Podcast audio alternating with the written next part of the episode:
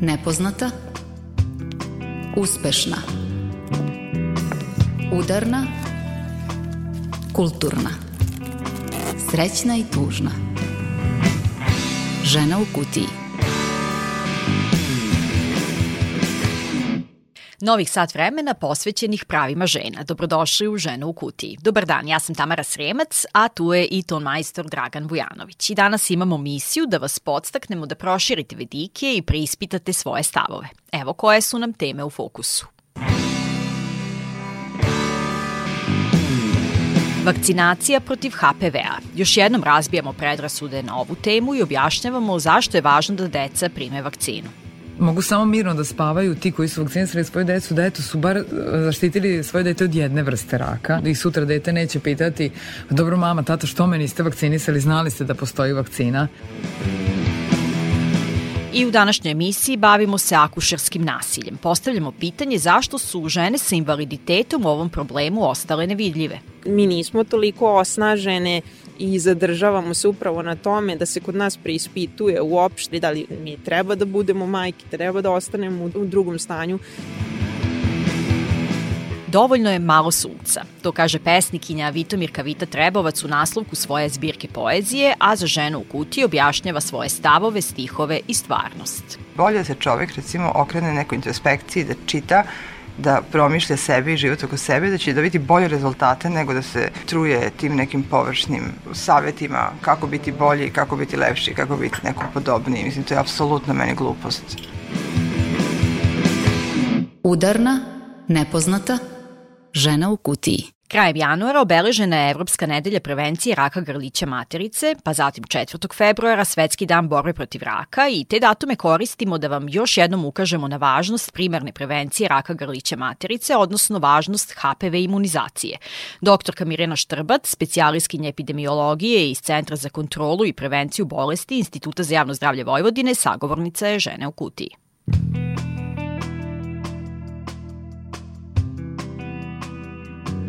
Skoro svi slučajevi raka grlića materice, 99%, povezani su sa infekcijom visokorizičnim humanim papiloma virusom, odnosno HPV-om. To je izuzetno čest virus koji se prenosi seksualnim kontaktom. I na momente mi deluje da svi već sve o tome znamo, a onda me stvarnost demantuje, zato bih voljela da odmah rešimo ove predrasude u vezi sa vakcinom. Zašto ne bi trebalo da imamo nedoumice kada je reč o HPV vakcini? Pa e, zaista mislim da puno pričamo o HPV-u, ali još uvek e, jako puno roditelja ne zna o, o ovoj temi ništa. Tako da ćemo krenuti negde od početka. Dakle, e, ova vakcina se ispitivala više od 20 godina pre nego što se krenulo sa njenom upotrebom. Ona se od 2006. koristi u, u razvijenim zemljama. Dakle, više od 15 godina se sada ova vakcina daje i dokazana je njena efikasnost kada pričamo o smanjenju rizika od dobijanja cervikalnog karcinoma karcinoma i ne samo kada pričamo o cervikalnom karcinomu, nego i o karcinomu anusa i penisa i glave i vrata, dakle sve ono što humani papiloma virus izazivaju. Mm. Deca uzrasta od 9 do 19 godina bi trebalo da prime vakcinu u koliko doza se ona prima? E, vakcina bi trebala i najbolje kada pričamo o njenoj efikasnosti da se da uzrastu pre nego što se krene sa seksualnim odnosima. Dakle, od 9. godine se ona daje. E, ako pričamo o deci od 9 do 15 godina, ona se daje u dve doze, svi stariji od 15 godina, znači do 45. godine ova vakcina može da se daje, dobija se u tri doze. Potrebno je krenuti sa ovom vakcinom u najranijim uzrastima, zato što je ovo jedina specifična mera kada pričamo o prevenciji humanih papiloma virusa. Mm. To je zapravo ta prava primarna prava prevencija. prevencija. Zato što vi stvorite antitela sa ovom vakcinom i ova antitela su onaj tip antitela, da kažem neutrališuća antitela, kada vaše telo dođe u kontakt sa pravim humanim papiloma virusom, ova antitela su spremna da neutrališu taj virus. Ono što je razlik među virusa i bakterija je što vi nemate konkretnu terapiju za virus. Uh mhm. -huh. Kada je neko pozitivan na HPV, bilo to visoko onkogeni ili ove tipovi niskog rizika, dakle, vi nemate antibiotik, odnosno lek koji je specifičan sad da vi izlečite taj virus da oslobodi se telo tog virusa. I onda su roditelji u panici kod mladih devojaka da kažem imaju taj problem što šta sada radimo, da idemo u inostranstvu po lek, šta treba da se uradi. Dakle, ne postoji terapija. Ono što je zapravo jako dobro je da postoji vakcina i da vi decu vakcinišete protiv uh, HPV-a, zato što u ovoj vakcini imamo devet, protiv devet tipova stvaramo antitela i dakle vi ćete onda stvoriti takvu pripremu, tako vaš organizam bude spreman kad dođe u kontakt sa pravim virusom da ga neutrališ. I da li su oni koji se vakcinišu trajno zaštićeni od HPV-a? Jeste, smatra se da je za sada koliko imamo da kažem dokaze od kad se vakcina daje da antitela traju duže od 10 godina. Mm -hmm. Dakle da traju i više, mnogo više i da uh, negde se ide sa da kažem sa ta je negde tendencija u svetu da se smanjuje taj uzrast kada se daje HPV, da će biti kao i druge vakcine u najranijem uzrastu da može da se daje i da ona dugotrajno stvara zaštitu. Da li možemo primiti vakcinu iako smo stariji, iako su uh, stupili već u seksualne odnose, pretpostavljam da onda nije zaštita 100%, ali da li je efikasno i tada? Tako je. Postoje preporuke, dakle svugde u svetu. Vakcina je ispitivana uzrastu od 9 do 45. Okazano je da se stvaraju antitela. Naravno da je najbolje pre prvih seksualnih odnosa, jer onda sigurno nemate HPV, već niste još uvek zaraženi. Ono što je problem kod HPV-a, što se već prilikom prvih seksualnih odnosa ljudi zaraze. On je zaista, on, ono, da kažem, najčešća seksualno prenosiva infekcija. Prenosi se čak i trljanjem kože o kožu. Kondom nije 100% efikasna zaštita kad pričamo o HPV-u. Uh mhm. -huh. Protiv nekih drugih seksualno prenosivih bolesti da. Ono što je dokazano je dakle da se do 45. godine daje. Za, jedino što je stvar u tome što nije kod svih preporučeno da se daje. Neko zaista nema sklonost kad pričamo o HPV-u, brzo se oslobodi infekcije, nikad nije imao problem kad pričamo o ženama u papa testu, nikad nije imao nikakve ranice, eritroplakije na grliću materice. Neke žene su sklonije tome. Dakle, tu se radi možda i o ćelijskom imunitetu kada pričamo o nekoj sklonosti i onda se, dakle, u razgovoru sa epidemiologom i u zavisnost individualno se preporučuje da li da se osoba vakciniše ili ne.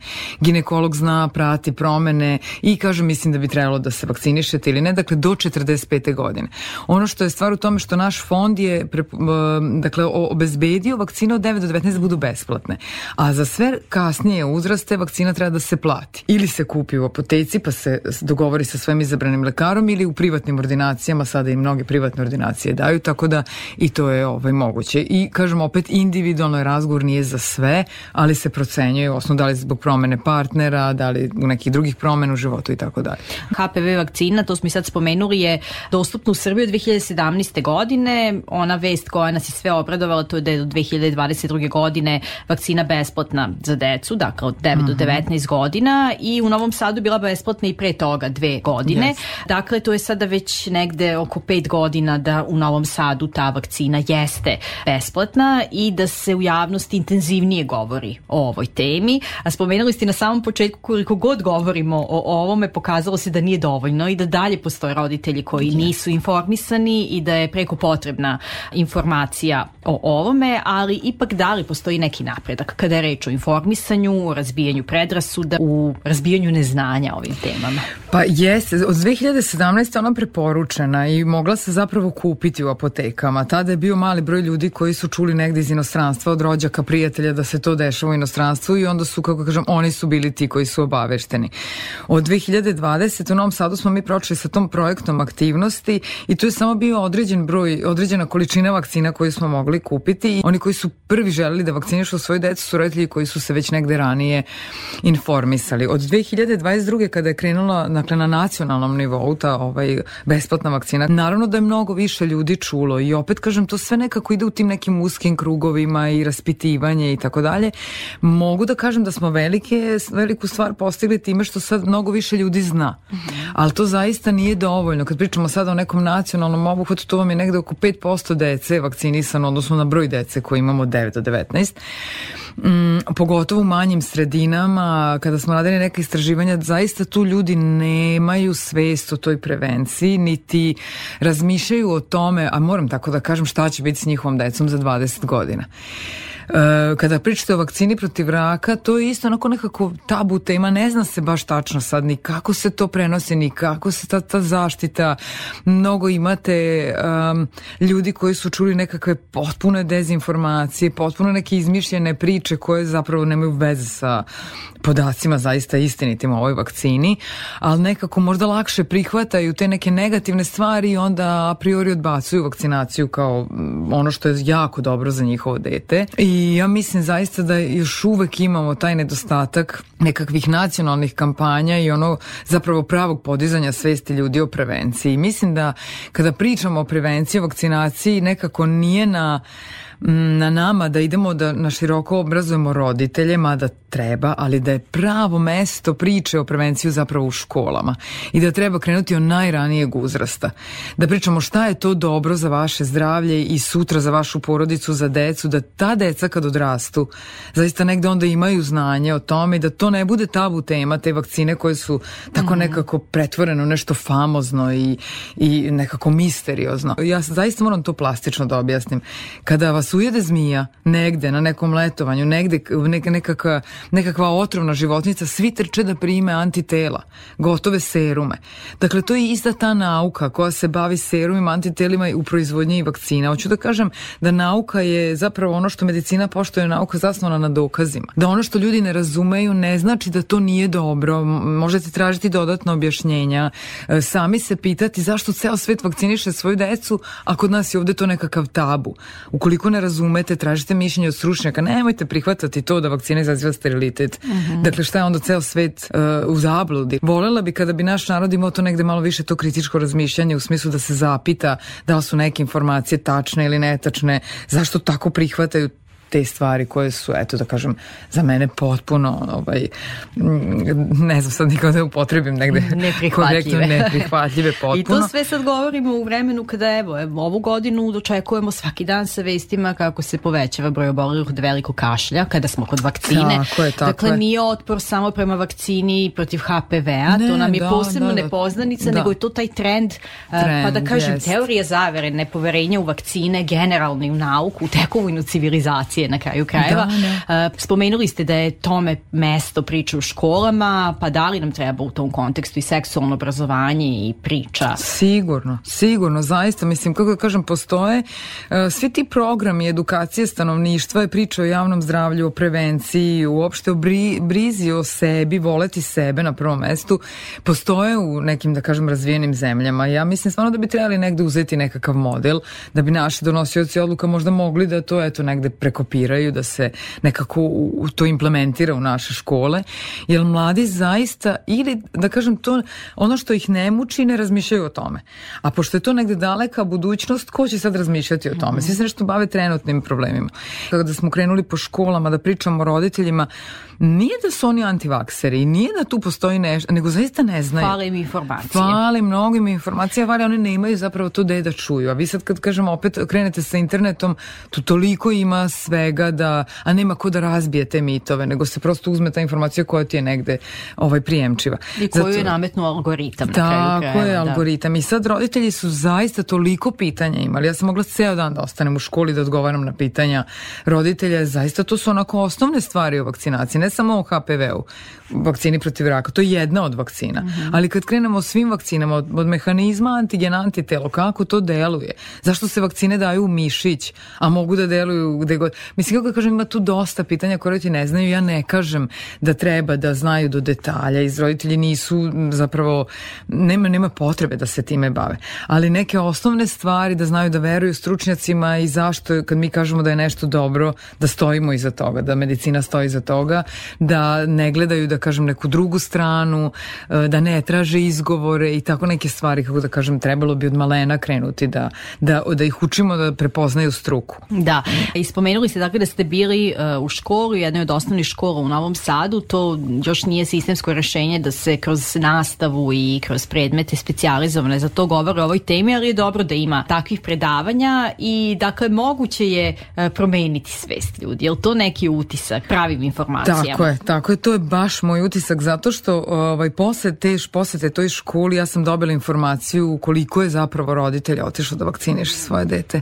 Mislim koliko njih je potražilo da kažem pedijatra zahtev da za vakcinaciju i to mi je negde onda bilo da kažem satisfakcija mm. u mom nekom mikrosvetu da zaista ljudima treba informacija i da mogu da napravim nekakav pomak ta škola konkretno ima preko 1600 đaka i meni je bilo drago da eto bar da više od 100 dece prihvati tu vakcinaciju, odnosno da roditelji prihvate taj model i da će ta deca jednog dana biti zaštićena od HPV, a to je ono što je meni bilo drago. Mi konkretno radimo sa edukacijama i zdravstvenih radnika i roditelja i dece i onda, kako da kažem, negde kad se to sve sabere ovaj, na tom nekom godišnjem nivou, drago mi je da bar negde pomak možemo da pravimo. Ne možemo naravno odma i ne možemo sve za, eto, da kažem, tih par godina koliko pričamo intenzivno o tome, ali nadam se da ćemo negde u budućnosti, da će biti ta neka lančana reakcija, da će roditelji jedni između drugih, da će deca, da će se to negde pričati i da ćemo eto podići svest da budemo bar približno kao neke razvijene evropske zemlje. Mislim, zašto da naša deca nemaju istu šansu kad pričamo eto konkretno o toj vrsti raka. Dakle, zaista roditelji, molim vas, e, kako da kažem, samo nek se raspitaju kod stručnjaka. Dakle, neka znaju koga pitaju kad pričaju o vakcinama, ne, da ne bude tih teorija jedan lekar, jedan čovek, ovaj mi rekao, e, onom se desilo, to ne postoji, to je stvarno dokazano da te priče uzimaju maha, zaista kada malo dublje zakopate, zaista ko je to stvarno rekao, kome se to da to su, da kažem, izmišljene priče. Tako da, eto, ja nekako pozivam sve roditelje da, da pitaju roditelje koji su vakcinisali svoju decu, da zaista mogu samo mirno da spavaju ti koji su vakcinisali svoju decu, da eto su bar zaštitili svoje dete od jedne vrste raka. Uh mhm. -huh Dakle, i, i kod dečaka i kod devojčica pričamo koliko je to jednako važno i kod jednih i kod drugih i eto da, i sutra dete neće pitati dobro mama, tata, što me niste vakcinisali, znali ste da postoji vakcina, a opet kažem ne znate kako će se vaše dete izboriti sa virusom, nisu sva deca ista, nemamo svi isti imunitet, je, istina je da se 9 od 10 oslobodi virus, ali zaista ne znamo kako će naše dete, da li će to preći tamo posle negde u neke displazije, u neke ranice, da li će to otići do karcinoma ili će se dete tek tako tako osloboditi da nema nikakve, mislim kažem ne znate, zbog toga je vakcina onako najbezbednija stvar, jedina specifična mera, primite tu vakcinu, u stvari date dete tu vakcinu i ne razmišljate posle. Dakle, vakcina je besplatna u tom uzrastu od 9 do 19 godina i na vama je samo da zakažete termin kod pedijatra. Za ženu u kutiji govorila doktorka Mirjana Štrbac sa Instituta za javno zdravlje Vojvodine a jesenas je mostarski sastav Zoster kompletirao njihov peti studijski album Najgori, koji ima deset koncepcijski povezanih pesama. Muziku i tekstove za sve pesme napisao je frontman Mario Knezović, a danas slušamo pesmu Jesam ti rekao. Sinoć kada si otišla u mrak, ja iščupo sam srce i rastavio ga, tako da se više sastaviti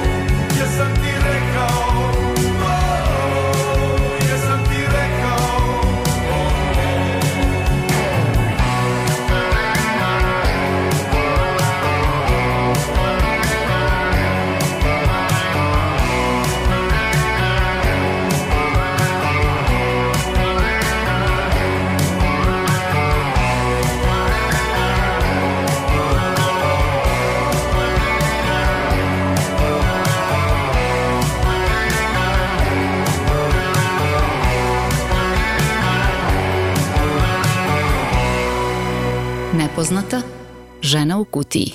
U talasu javnog progovaranja žena o akušerskom nasilju imamo želju da skrenemo pažnju na grupaciju žena koja je i u ovom pa i u brojnim drugim problemima ostala gotovo nevidljiva. Za ženu u kutiji govori aktivistkinja za prava žena sa invaliditetom Milica Veljković.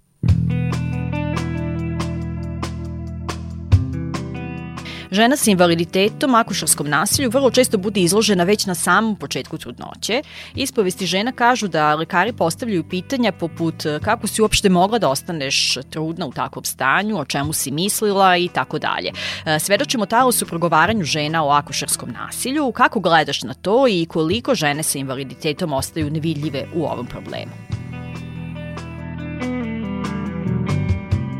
Jako mi je u stvari drago i, i ne u isto vrijeme da je još neko to zapazio i naravno nisam uspevala sve da pročitam ni ispovesti svih žena, prosto bilo je u nekim momentima i neverovatno preteško, a opet naravno želiš da posvedočiš svemu tome i, i želiš da, da budeš podrška. Ono što mi znamo negde u zajednici, što si i ti sada sama pomenula, kako zapravo akušersko nasilje kod žena sa invaliditetom počne mnogo pre same trudnoće, mnogo pre porođaja, što nikako nije ohrabrujuće, ali u ovom momentu kada smo pokrenuli jedan ozbiljan talas i kada se stvarno o tome govori, ne čujemo i dalje glasove žena sa invaliditetom. Volela bih zapravo da grešim, ali mi se čini da, da ili mi je promaklo ili prosto još uvek mi nismo toliko osnažene i zadržavamo se upravo na tome da se kod nas preispituje uopšte i mogućnost i želja i, i da li je to u stvari, da li mi treba da budemo majke, treba da ostanemo u, u drugom stanju, na kraju krajeva i sama seksualnost koja je jako često isto predmet nekog preispitivanja ljudi koji uopšte nisu ni nama bliski ni u našem okruženju. Tako da jako dobro pitanje i, i volela bih da možda posle ovog razgovora ili u bilo kom trenutku nekad u budućnosti stvarno čujemo i ta iskustva zato što ovog puta su promakla ali znamo da postoje. Da, spomenula si to preispitivanje i uh, na primjer odluka žene da zatrudni i da rađa obično se ne preispituje, češće se preispituje njena odluka da ne bude majka, ali iskustva žena sa invaliditetom pokazuju suprotno. Preispituje se njihova odluka da postanu majke, a odluka o prekidu trudnoće se smatra nekako zdravorazumskom. Uh, koji je tvoj stav u tom kontekstu? Koliko je teško u tim okolnostima i sa takvim društvenim okvirima i pritiscima uopšte doneti odluku o rađanju ako si žena, odnosno devojka sa invaliditetom? Kao jedna još uvek mlada žena, ja nisam donela svoju konačnu odluku. Naravno, previše tu faktora, previše pitanja, previše rizika za koje mogu da, mogu da kažem i u svoje ime svog partnera, da li smo zaista spremni da preuzimamo neke rizike i onako kada se zapitamo gde smo, zaista nismo još uvek doneli konačnu odluku i, i ne znam na kraju kako će biti. Jedno je, jedno je da postoji neka želja, ali sa druge strane uvek ti dolaziš u tu situaciju da, da sve moguće preispituješ i da brineš na kraju za goli život i ono što često feministkinje sa invaliditetom ističu jeste da se mi i dalje borimo za to pravo da budemo majke, pravo da rodimo. Nama isto tako samo se postavlja jedna nova barijera, jedna nova borba gde moramo da ponovo da se dokazujemo kako mi možemo da budemo majke, kako mi treba da imamo dete, kako mi želimo da imamo dete. Na kraju krajeva stvarno jedno i drugo, da li odluka o prekinutu trudnoće, da li odluka da, da postanemo majke, jeste na kraju odluka žene i nije bitno da li ima invaliditet ili ne, ali nekako se sve to kod nas ponovo dovodi u pitanje, šta god da bude moja odluka u budućnosti, stvarno ne, ne želim da je bilo ko dovede u pitanje. Ne znam čak ni šta bih rekla nekoj ženi koja je u istoj poziciji i sada treba da razmisli. Svakako da odluka na kraju stvarno treba da bude njena i da je to jedino ono pravo i jedino kako treba. Da, jedino logično na kraju krajeva. E, inače, žene sa invaliditetom koje su se javljale u organizaciji iz kruga Vojvodina navode da su postale svesne problema već tokom prvog susreta sa ginekolozima. Žene su rekle da su imale osjećaj da za lekara one nisu bile žene, nego diagnoza. E, koliko fali u našem zdravstvenom sistemu lične senzibilisanosti među specijalistima kada rade sa ženama sa invaliditetom? Mislim da je ginekološki pregled i ono odnosno samo to kao jedna jedina oblast dobar pokazatelj koliko fali senzibilisanosti i naravno to je primenljivo na, na svakom specijalističkom pregledu gde ljudi uh, prosto ne znam ni kako to da objasnim, imam utisak kao da, da, da se nije dovoljno govorilo o osobama sa invaliditetom, iako stvarno, evo, posle 16-17 godina uh, mog, mog života kroz zdravstvene ustanove, kroz razne preglede, moje iskustvo jeste da jeste ta diagnoza bila u prvom planu. Govorim o sebi u, u ovom trenutku kao osobi koja je korisnica kolica, paraplegičarka. Znači, to su sve neke stvari koje upadaju prve u oko. I, i žalosno je da se ne vidi mimo toga. Žalosno je da neko preispituje vaše razloge da budete seksualno aktivni. Žalosno je da dolazite u poziciju da vi sad nekome morate da se pravdate. Na kraju krajeva ginekološki pregled ne treba da bude sad zato što sam trudna ili nisam trudna, nego jedna, jedan vid prevencije i koji svaka od nas treba, treba da bude dostupno. Da, kada smo kod dostupnosti, moramo da spomenemo da većina zdravstvenih usluga i ginekoloških ordinacija fizički je nepristupačna ženama sa invaliditetom. Sa čime se u prosjeku suočava žena kada odluči da ode na ginekološki pregled? Prvo se uvek setim perioda kada sam živela u Titelu, Titel koji je mala sredina, imao jedan dom zdravlja i u tom domu zdravlja u tom trenutku mislim da jeste bila ginekološka ordinacija, ali koja je naravno bila nepristupačna. I sada to je bilo nekoliko godina mog života kada nisam bila ni blizu da odem na pregled. Jednostavno bilo je neizvodljivo. Ok, može sigurno neko i da me ponese i prenese, ali u tom trenutku kao da nije bio prioritet uopšte. I sad mi je onako strašno kad malo bolje razmislim o tome Zato što u tom trenutku ja nisam ni razmišljala, nisam imala ni svest koliko je važno otići na ginekološki pregled, na kraju krajeva jednom godišnje. Ali da, ja to tada nisam mogla da uradim što zbog fizičkih barijera, što zbog, eto, uopšte neimanja svesti koliko je to potrebno. Onog momenta kada sam prešla u, u Novi Sad, koristim tu mogućnost i, i pristupačnost gde opet nisu uslovi idealni i svakako potrebna je asistencija ali negde se javlja ta svest da, da je meni to potrebno i da treba da koristim sve usluge koje su mi dostupne i ono što želim da napomenem jeste taj moment kada nisu idealni uslovi, kada je vama potrebna asistencija. Ja sam u tom trenutku imala podršku svoje majke ali hoću da kažem da to i dalje nije možda najbolje rešenje, jer vi kada odlazite na ginekološki pregled kao nešto što je vrlo lično i intimno, zaista to prisustvo drugog lica može možda da, da vas ograniči u komunikaciji sa lekarom, da, da ne možete baš najbolje da ispričate ili objasnite šta se vama dešava. I opet se tu negde javljaju ti šumovi gde možda ne možemo da iskomuniciramo do kraja svoje potrebe. Koliko sve to onda dovodi i dalje i ta fizička i psihološka barijera, koliko to onda dalje vodi toj nemotivisanosti da odlazimo na redovne ginekološke preglede koji su i trebalo bi da budu imperativ za svaku devojku i ženu. Verovatno treba da se vratim na taj početak i na titel gde, gde u tom okruženju sa, sa, svim, sa svim mogućnostima i nemogućnostima ne da nisi motivisan, nego ne vidiš da, da, da ti je to uopšte potrebno jer kao zašto bi I na kraju krajeva možda ni, ni ja sama, ni mi same onda ne vidimo uh, tu potrebu ili koliko je uopšte važno. Sve su to neke poruke koje do nas dolaze, niko ti to ne kaže, ali kada naletiš na nepristupačnu ustanovu, o, os, svakako se ne osjećaš dobrodošlo i ne osjećaš se kao da ti tu sad možeš vrlo lako da, da dođeš, da dobiješ ono što ti je potrebno, makar to bio samo razgovor, pregled i opet se vraćam, to nije, nije samo ginekološki pregled, bilo koji specijalistički pregled, odlazak stomatologu, odlazak psihologu.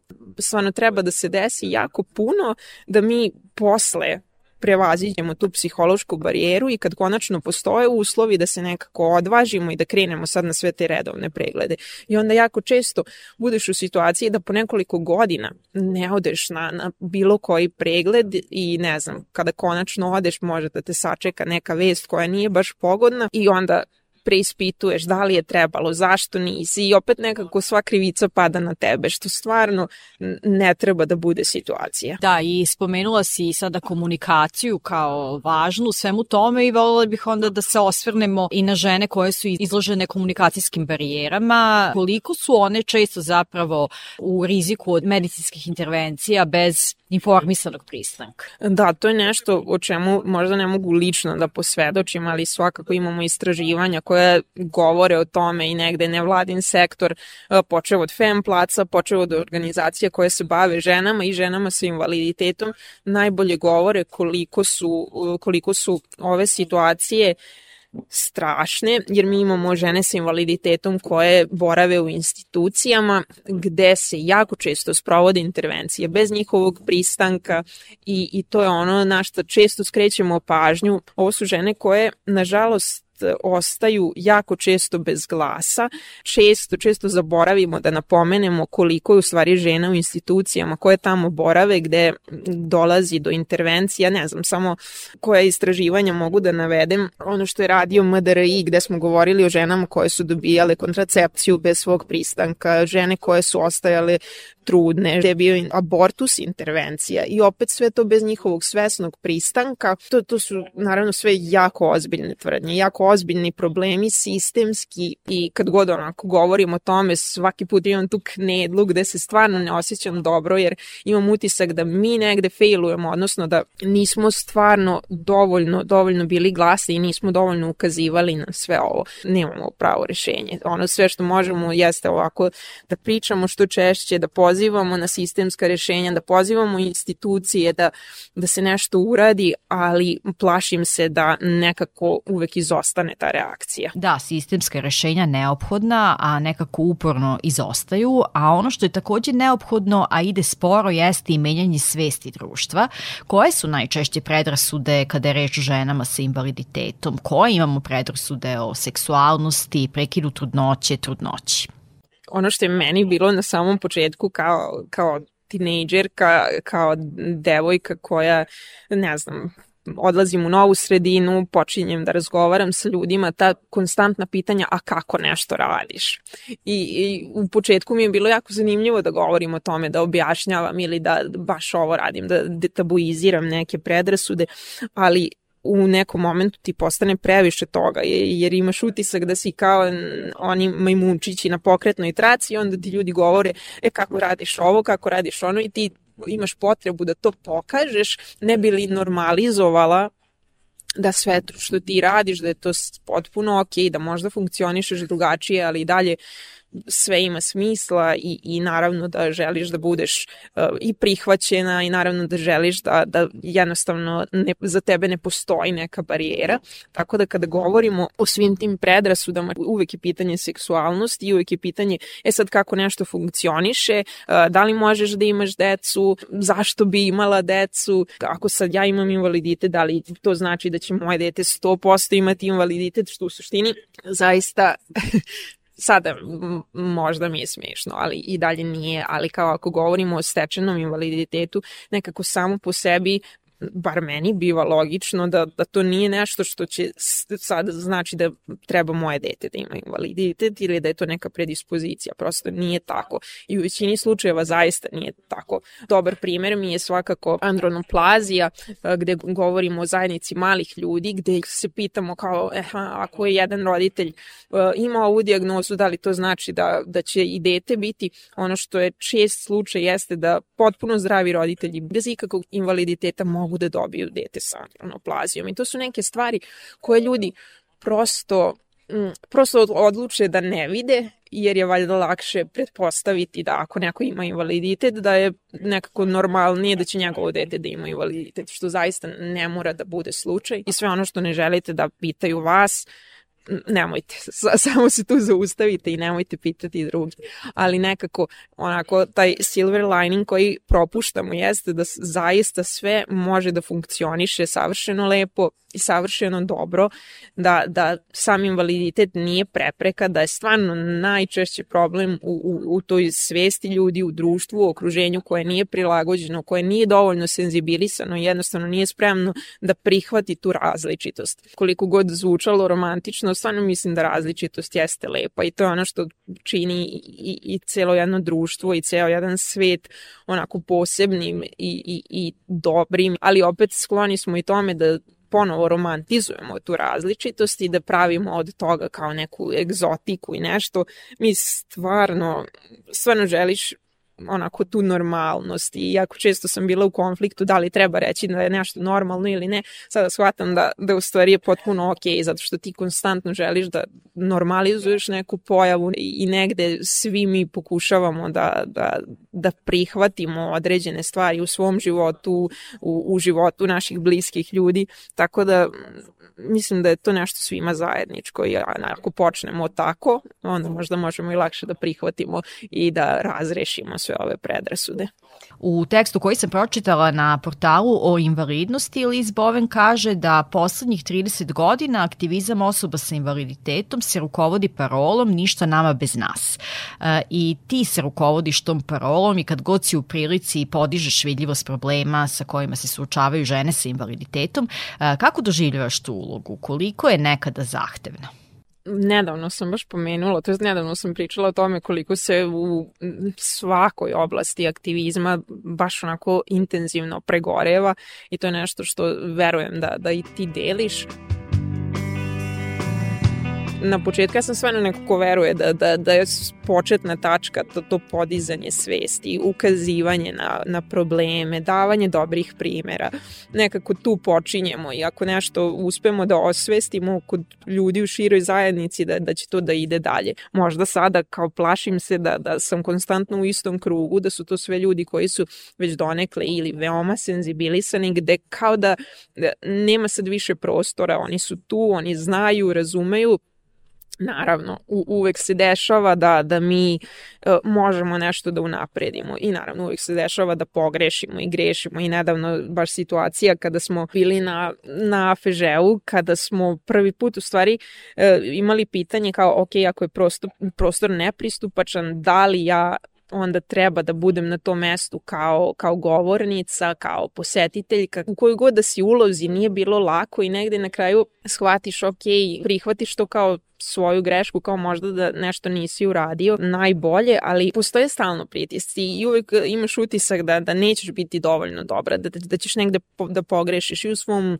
aktivizmu i u tom feminizmu. U šta god da radiš, imaš utisak da, da jednostavno da je previše stvari u kojima možeš da pogrešiš i uvek taj moment da nećeš biti dovoljno dobra, da nećeš na pravi način uh, prezentovati svoju zajednicu ili probleme svoje zajednice, ukazati na sve ono što imaš i onda kušavaš da radiš najbolje, e, želiš da stvarno vidiš neku promenu, da, da uradiš, što je jako često dosta sporo i onog momenta kada još dodatno, eto, neka stvar se desi koja ne ide u prilog tome, imaš utisak da si samo nekoliko još koraka nazad. Što se tiče toga, ništa o nama bez nas, prevažno je istaći da kad god se radi o donošenju nekih odluka, ja stvarno verujem da mi moramo više da uključimo osobe sa invaliditetom. Na kraju dana radi se osobama sa invaliditetom i stvarno ne mogu da donose odluke neki ljudi koji niti jesu osobe sa invaliditetom, niti im je blizak ovaj problem i da li uopšte imaju dovoljno kapaciteta i da li su dovoljno senzibilisani da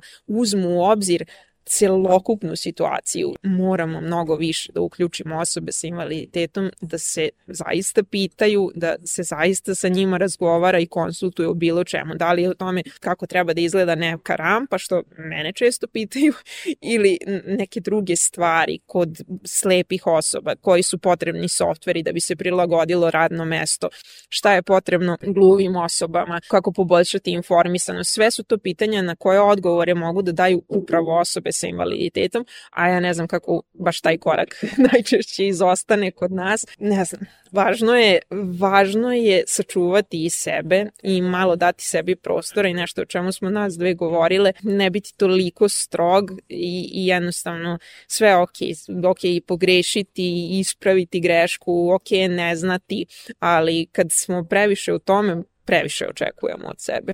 Na kraju krajeva sve uvek ima smisla, samo možda ponestane, ponestane snage da vidimo gde se taj smisao nalazi. I mora borba. I mora borba. Ja nedavno takođe moram da pomenem Tanju Stojšić-Petković. Tanja e, uvek kaže kako ne voli reč borba i ne voli borbu jer život treba kao da bude, ne treba da bude borba, nego, nego prostor za, za rast, za lični razvoj i, i, i te neke harmonične odnose i ljubav i ja sam to pokušavala da implementiram u svoj aktivizam i svoj život i onda sam na kraju shvatila da, da ja ipak moram da insistiram na toj borbi i da stvarno uvek kažem da, da moramo da se borimo i, i, i meni je na kraju krajeva to važno. Da, i dalje smatram, i to jest mogu da se složim sa Tanjom zašto život treba da bude ta, taj neki dobar prostor za nas i da bude mnogo više ljubavi i nekih, nekog ličnog rasta i ostvarenja i uspeha, šta god da za nas bio uspeh u određenom trenutku života, ali da uvek na kraju stvarno preostane borba koja je nekad preteška, nekad, nekad odustanemo pa se vratimo i sve ono o čemu smo već pričali, ali stvarno mora borba i, i, i potpuno je okej okay da kažemo da se borimo, da smo borbeni, da nas čeka neka nova borba, jer stvarno jeste tako. Hvala Milici Veljković na razgovoru i svim njenim ličnim i društvenim borbama. A prošlog meseca omiljeni synth pop trio Pocket Palma objavio je novi singl sa hvaljenog aktuelnog albuma 3. Pesma se zove Ruke i izlazi u oči velike koncertne promocije albuma u martu u Zagrebu. Ti odani dan ti sloj po sloj Ispod kože svaki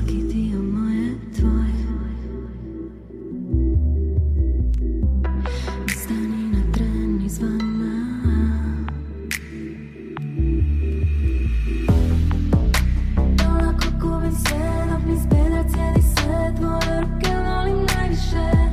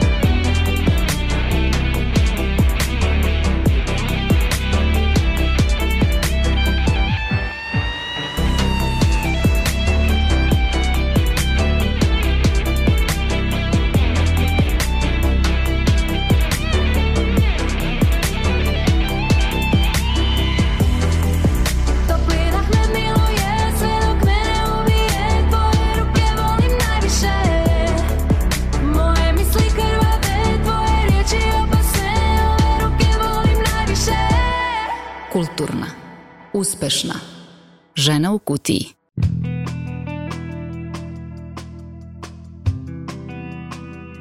Dovoljno je malo sunca, kaže Vitomirka Trebovac u naslovu svoje zbirke poezije koja je objavljena prošle godine. Novoseđanki rođenih 1980. godine to je četvrta pesnička knjiga kojom je ostala verna svojoj poetici i svom pogledu na svet. Poezija joj je prevedena na više evropskih jezika, a ljubiteljima knjige poznata je i po radu u omiljenoj knjižari Boulevard Books. Sa Vitomirkom Vitom Trebovac za ženu u kutiji razgovara Isidora Bobić.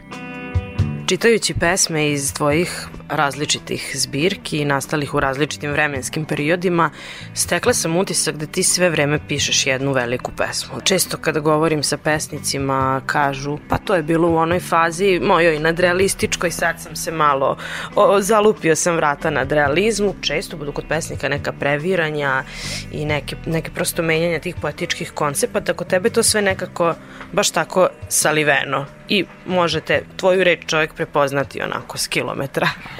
Hvala. Ovo doživljam kao kompliment. U stvari sam prvu zbirku poezije možda štampala kasno, to je već sam bila u nekim godinama i već sam iskristalisala način na koji pišem, a nisam bila sklona sad eksperimentisanju iz zbirke u zbirku, zato što ja poeziju pišem onako iz sebe organski i ne pristupim je kao konstruktu, tako da to i ne umem da radim. Sad kad bih htjela da pišem drugačije, ne bih umela u stvari, to, to ne bi bilo iz mog bića i onda je već lažno i već to ne dopada mi se. To možda sa strane izgleda isto, može da deluje dosadno, uvijek isto, uvijek isto, ali već sam pričala o tome da mi se ne dopada ni taj teror današnjice, da stalno moramo da budemo novi, da produkujemo nešto interesantno, da zabavljamo nekog, to uopšte neću da učestvujem u tome.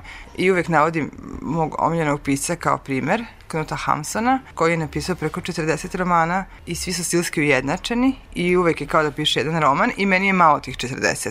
Dakle, kad pišemo i kad čitamo, nas interesuje stil u stvari i taj svet koji stvaralac pravi i to je ono zašto ja lično čitam, a verovatno zato i pišem i sad stvaram neki sobstveni svet, trudim se da imam ujednačen stil, jer je on deo tog mog sveta. Eto, i verovatno ga zato i ne menjam, pretpostavljam. E sad, kad se taj moj svet promeni, verovatno će i stil da se promeni, ne znam. Ono dosadno, to je bila tvoja opaska. Ja nikako nisam rekla da je uvek isto uvek dosadno. Naprotiv, da je rekla sam da je saliveno. I kada si rekla da, stil nas uvek je stil, uvek je forma, ono što nas zapravo uzbuđuje u književnosti, ja bih kod tebe kao e, čitateljka izdvojila tu jednostavnost izraza, jasnoću i sposobnost tvoje poezije da, da komunicira. Kao što sam ti malo pre rekla, sve ide organski. Kod mene što se tiče pisanja i naravno da imam potrebu da nešto da kažem, svetu, o, o svetu i o sebi verovatno i to je neka spontana stvar dok trudim se da baš to da komuniciram kroz književnost to mi je bitno Da, kao što možemo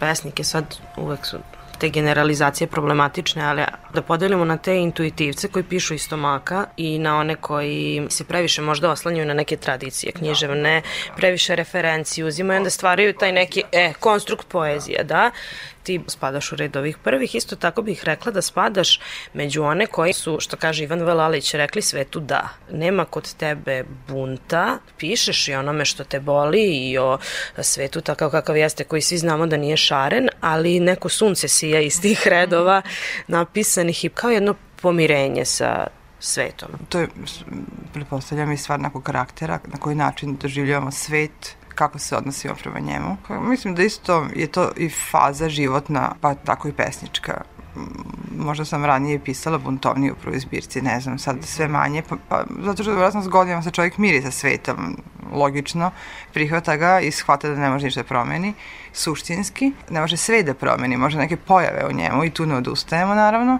borimo se, ali svet, to teško. Tako je, moraš mu reći da, kad si tu i to je to. Rekla bih da je detinstvo jedno od bitnih ishodišta tvog pevanja i često je u kontrastu lirski subjekt u prošlosti, mali, koji život provodi na selu i lirski subjekt koji je sada u čaljustima grada. Je li taj grad kod tebe još uvek onaj budlerovski proždirući strašan grad koji nas melje? E, u principu nije, ja volim velike gradove, to uvek naglašavam. Volim selo i volim veliki grad, ne volim ono između. Tako da je, sam ja neko ko stvarno voli da provodi vreme u ono, megalopolisima i kad god imam priliku putujem u velike gradove. To, to mi presije zadovoljstvo. A na svakodnevnoj bazi, da kažem, volim prirodu i volim kontakt s prirodom i to mi je bitno. Dakle, po meni je idealan život bi za budućnost bio da živim izolovano negde u nekoj prirodi sa čestim odlascima u velike gradove. Eto, to je za mene idealan spoj, ono. Da, dva dana u šumi i tri dana u Njujorku, na primjer. E, apsolutno smo saglasni. Dobar si taj plan. E, kako, pošto tematizuješ grad i taj odnos sela i grada, kakav je on u, tvo, u tvojoj poeziji? Pošto verovatno obično pišemo o sobstvenom gradu, jer tu boravim naj, najčešće, uh, onda on možda i nije tako sjajan i prema njemu se odnosim kao prema porodici malo i voliš ga, ali ga malo kritički posmatraš. Nisam uvek blagonaklona prema sobstvenom gradu, kao verovatno svi mi. Lakše njega kritikujemo nego, nego one druge gradove. Tako da je i tu verovatno neki dvojak pristup, da kažem. I volim ga i ne volim ga. Kao uvijek sa zavičajima, valjda. Jedni od meni naj efektnijih stihova, posebno u kontekstu popularne psihologije koju svi danas živimo i koja nam samo iskače pred očima i ono iz svih uglova, e, su stihovi Ja mrazim bavljanje sobom, preobražavam se prirodno, punim se kao mesec, ne znam kako da postanem bolja, ali i ovakva uspem nekome da osvetlim put. Um, sad ovako i kao pesnikenju, ali prosto i kao čoveka koji živi na, na, ovom, na ovoj planeti. Jel misliš da smo zatrpani tim budi najbolja verzija sebe, budi bolji, radi na sebi? Se jako svidelo ta priča o toj, tom jednom spontanom, prirodnom rastu. Da. Ta, tako je. Ne mogu da kažem da ne, ne verujem u psihologiju ili nešto slično, jer to je glupo, ali um, verujem u nauku u svakom smislu, još uvek, još uvek verujem, ali um, eto radimo u knjižari pa i tu svedočim uh, toj pojavi popularne psihologije kao neke dominantne ono, religije današnjice. I ne sviđa mi se to, moram da priznam, jer je površno pristup čoveku je površan, pristup životu je površan i zato mislim da je bolje da se čovek recimo okrene nekoj introspekciji, da čita, da promišlja sebe i život oko sebe, da će dobiti bolje rezultate nego da se truje tim nekim površnim savetima kako biti bolji, kako biti lepši, kako biti nekom podobniji. Mislim, to je apsolutno meni glupost. Možda bismo se više menjali spontano, da ne razmišljamo o tome Naravno, kako da budemo bolji. Apsolutno, mislim, možda zašto biti bolji stalno i ta trka stalno za, neka, nek, za nekim usavršavanjem, to je neki teški egocentrizam, mislim. Biti bolji, biti bolji. U čemu, za koga bolji? Ne razumem za svet oko sebe, a tu ćeš biti samo kroz neka dela. Baš nisam pobornik toga šta više. Često u, ra u razgovorima sam ekstremna, eto, vidiš, i sad me već hvata. Ne dopada mi se to, ne. Da li bi bila voljna da podeliš nešto iz svoje najnovije zbirke Dovoljno je malo sunca? Naravno. Može, pesma malo. Krstili su me kao malo, u malom selu, u maloj crkvi. Preko puta je mala škola, u kojoj danas sede tri đaka. Sve je to okruženo malim brežuljcima, kao u priči. A niz put je malo groblje, gde su moji preci. Sunčan je veseo dan i mi smo tu kao na izletu. Deca moje braće trče oko grobova i smeju se. Njima smrt nije strašna. Ko živi na selu rano vidi mrtvaca, jer uvijek umre neki komšija, I smrt nije velika stvar iza nekih zatvorenih vrata. Znači, svi smo veseli. Na neki način. Došlo je proleće i vetar raznosi beli cvet po crnoj zemlji. Vraćamo se peške ulicom. Nanizane male kuće ispred svake drvo i klupa. I ništa ne remeti harmoniju malog. Jer što je s polja malo, unutra je možda veliko. Ce ovaj dan se smeje. Govori nam u životu vam ne treba ništa veće od ovoga. Završit ćemo u tom duhu skromnosti i zahvalnosti. Hvala ti mnogo što si Hvala govorila tebi. za Radio Novi Sad. Hvala tebi. Hvala Isidori i Viti, pročitajte knjigu Dovoljno je malo sunca i osvetlite sebi put. Ovo je kraj današnje žene u kutiji, za dve sedmice smo ponovo na talasima. Pratite nas i na društvenim mrežama. Pozdrav vam šalje ton majstor Dragan Vujanović i ja sam Tamara Srijemac. Hvala na slušanju i prijatan dan.